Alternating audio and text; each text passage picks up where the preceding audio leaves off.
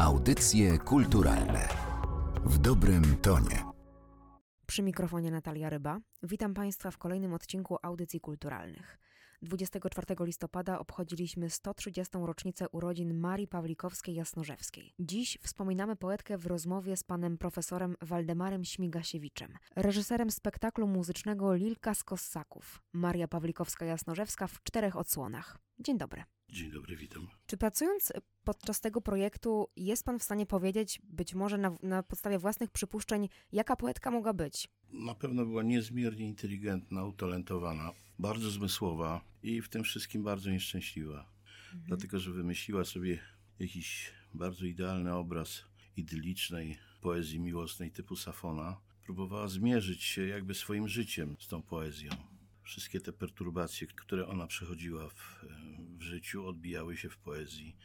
I to, co chciałem przekazać, to był taki poetycki portret. Chciałbym, aby się nie poddawał jednoznacznej ocenie i by wskazywał osobę właśnie taką niezmiernie inteligentną, zmysłową, o umysłowości otwartej, jasnej, która no, bardzo, bardzo ciekawa, posiadała wiele, wiele jakby takich cech po, poetyckich, nowoczesnej jakby poezji, budowała w każdym czasie swojej twórczości, budowała jakby odrębny wizerunek tej, tej miłości, tego szczytu, który ona pragnęła jakby dotrzeć tam, dojść, wyrazić to słowami. Ona jest nazywana też poetką miłości, a ja jednocześnie mam poczucie, że bardzo dotyczyło ją przemijanie. To był okres taki, takiego trendu, który zapoczątkował Metterling, później ona się troszeczkę tam interesowała takim determinizmem historycznym, w sensie jakby pesymizmu ludzkiego, takiego jakby kresu swojego losu.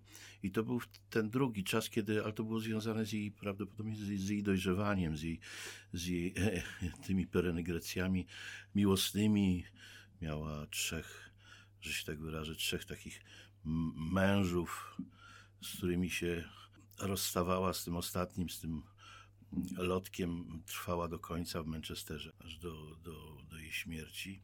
Natomiast te wszystkie plany, jakie ona pokładała, to były planami raz na początku takimi młodzieńczymi, bardzo wzniosłymi, Natomiast później już e, jakby przefiltrowanymi przez ten filtr takiej egzystencji, życia. Ona uległa jakiemuś wypadkowi na początku swojej, e, swojego życia. Ona nie chodziła do szkoły, uczyła się razem z siostrą w domu i nosiła taki aparat, taki gorset w postaci takiej, nie wiem, linijki do, do, do, do prostowania się i tak dalej.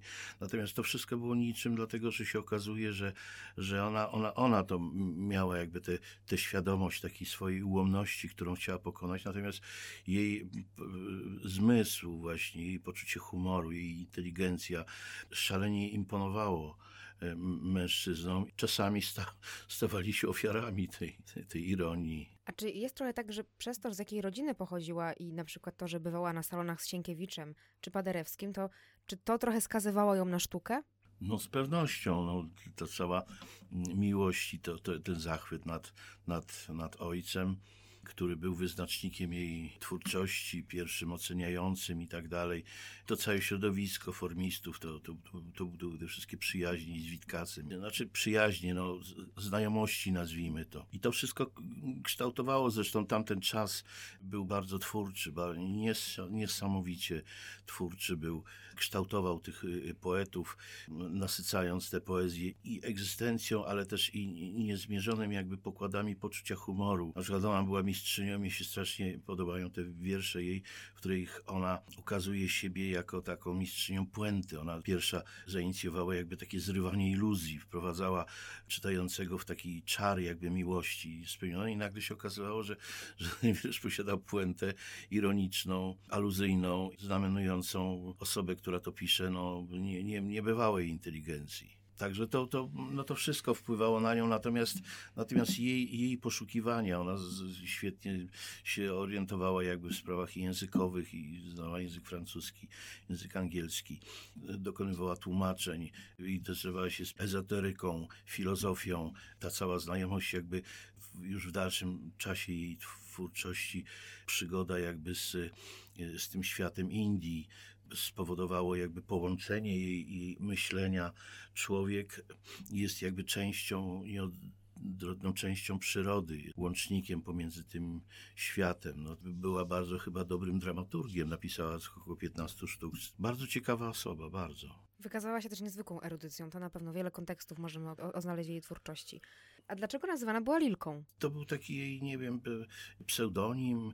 No tak jak kogoś się nazywa, takim, takim skrótem, skrótem y, który, w, w którym się umieszcza całe jego i dojrzałość, i niedojrzałość. I ja znaczy w tym swoim scenariuszu którym e, próbowałem zrealizować jakby portret jej, taki portret poetycki. Zacząłem jakby od końca, mm, od jej śmierci, od końca życia w Manchesterze. I później ona po śmierci tak jakby ogląda swoje całe życie, przechodząc, konfrontując, y, co było, komentując to życie w sposób jakby mm, poetycki, za pomocą wierszy, czasami za, za pomocą prozy poetyckiej. Ona zresztą skończyła tą całą swoją twórczość na, na, na rozbiciu całej tej struktury wiersza i ona bardzo ciekawie, bo ona wprowadziła tym właśnie te elementy takiej prozy poetyckiej, czyli takiej, y, no, no zaczęła sama już jakby konstruować te, te światy bez rygorów y, jakby wiersza. Czy jak pan zaczął pracować nad scenariuszem, to gdzieś od razu w pana głowie pojawił się taki obraz, jakie aktorki chce pan dobrać do tej historii?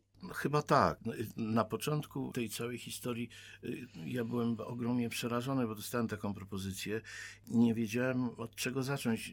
Nie dlatego, że, że nie wiedziałem jak, jakie tropy wybrać, tylko było tak ogromna ilość materiału dotycząca jej jako osoby, jej jako artystki, takiej obserwatorki życia, te całe związki małżeńskie, które ona zawierała i te historie, no dzisiaj śmieszne, wtedy, wtedy, wtedy tragiczne, gdzie ona lokowała swoje uczucie i tak dalej, no domagały się ujęcia w tej, tej, całej historii. No i wymyśliłem sobie taką, taką formułę, że zaczynamy od śmierci i po śmierci ona jakby ogląda siebie całą i doprowadzamy do tego momentu, kiedy ona wyjeżdża, ucieka z Polski z tym lotkiem, wyjeżdża z Warszawy przez Rumunię, przez Francję do Manchesteru i tam umiera w szpitalu na raka, bardzo się tam borykając i dbając ciągle o styl, o formę, o, o klasę, o to, żeby, żeby nieustannie zachowywać ten jakby von vital, tę, jakby pochwałę życia, tą w każdej sytuacji. Ona tam narzekała, że jest źle ubrana na operację, że, że, że jest jedzenie nie, nie, nie takie jak, jak trzeba. No, domagała się jakby od tego świata kończy się to całe przedstawienie, ta, ta, cała adaptacja moja, która mówi, że nikt y, mnie nie przeprosi za to wszystko, co się wydarzyło. Który z tych etapów jej życia był najtrudniejszy do przedstawienia? To wszystko jest bardzo, bardzo ciekawe i czasami o, o, o takiej adaptacji decyduje przypadek,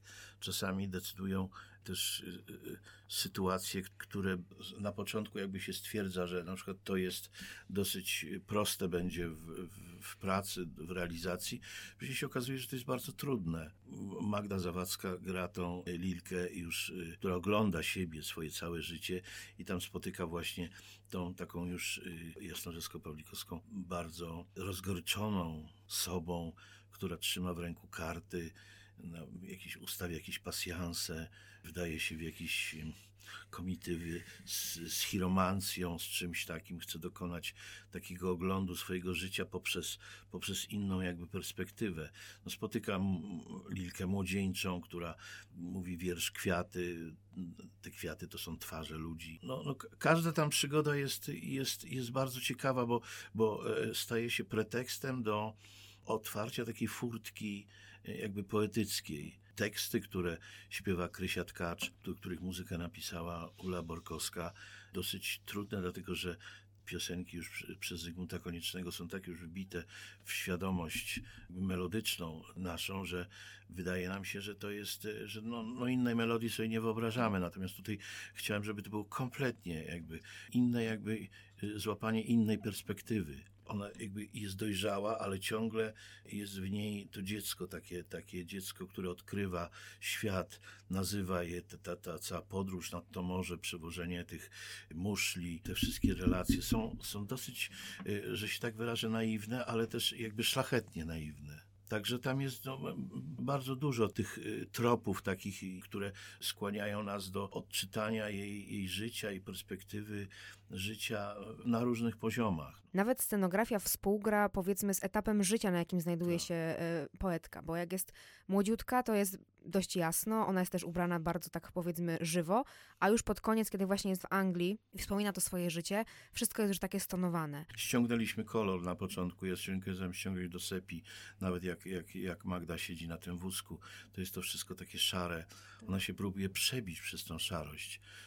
Mnie się wydaje, że najciekawszą rzeczą, która mi się tutaj przydarzyła i którą jakby odkryłem sam dla siebie w tym, to było to, że ona nieustannie poszukiwała jakby takiej opozycji dramaturgicznej ja i świat że na przykład ja ubrana tak i jeszcze pisząca wiersz o, że leżę na przepięknych jakby materiałach na batyście. Umieram metaforycznie z miłości i, i to zderzenie umierania autentycznego. Tutaj jest ten, ten konflikt i tutaj jest ta przestrzeń taka, mm, jest taką przestrzenią dysonansu teoriopoznawczego, taką, taką przestrzenią dysonansu, który właśnie dociera do naszej refleksji, wzbudza w nas pewien rodzaj myślenia refleksyjnego, takiego myślenia, nie wiem, pozbawionego tego, tych związków przyczynowo-skutkowych, skutkowych, tylko dlaczego tak się dzieje, co się staje z człowiekiem, jak to jest, że, że, że przebywamy jakąś drogę w, przez całe życie w czasie, nie wiedząc o tym, ciągle będąc świadomości, nie wiem, na przykład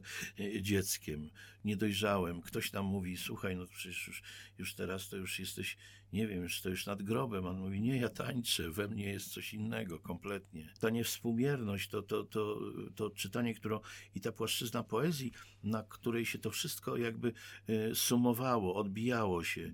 I dlatego ona jest bardzo ciekawa jakby w interpretacji, bo posiada dwie te przestrzenie. Jedną przestrzeń egzystencjalną i drugą taką absolutnie dziecięcą, to znaczy taką otwartą, z taką metafizyką jak to mówi profesor Kotarbiński, właśnie takiego transcendentu, jak, to jest, że, że, że, się w kimś zakochujemy, że, że ten obiekt miłości w nas jakby pulsuje, rośnie, że, że my sobie kogoś jakby też i, i wymyślamy, to znaczy domyślamy go, nasycić go jakby swoją osobą, swoimi nadziejami.